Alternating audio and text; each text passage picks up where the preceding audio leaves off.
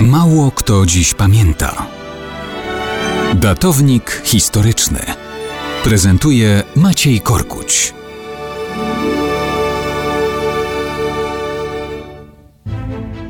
Mało kto dziś pamięta, że równe 80 lat temu, 3 września 1939 roku, Wielka Brytania, Francja, Australia, Indie i Nowa Zelandia wypowiedziały wojnę Niemcom.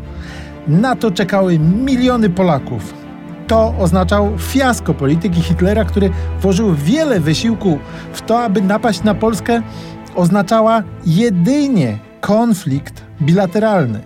Niemiecko-polski, nie kontynentalny, nie światowy, jedynie regionalny w Europie.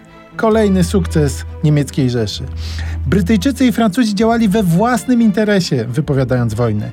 I we własnym interesie powinni przystąpić do aktywnych działań militarnych jak najszybciej, aby odciążyć walczącą w dramatycznych warunkach armię polskiego sojusznika. Potencjał ludnościowy Polski był ponad dwukrotnie mniejszy niż Niemiec. Potencjał ekonomiczny i militarny wielokrotnie mniejszy. Sama Polska nie była w stanie pokonać Rzeszy, ale wspólnie z Brytyjczykami i Francuzami mieli sojuszniczą przewagę.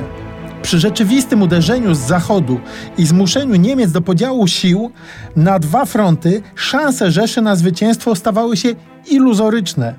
Wojna mogła zakończyć się zwycięstwem aliantów już w 1939 roku.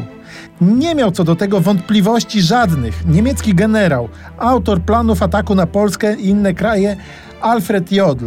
Podobnie mówili inni wysokiej rangi dowódcy niemieccy. Sam premier Francji Edward Daladier mówił 3 września, że Francja która dopuściłaby do sukcesu agresji Niemiec na Polskę, sama wkrótce zostałaby narażona, jak to ujął, na najstraszniejszą napaść. Daladier miał rację. Tylko dlaczego, jak pokazały późniejsze wydarzenia, sam siebie nie słuchał?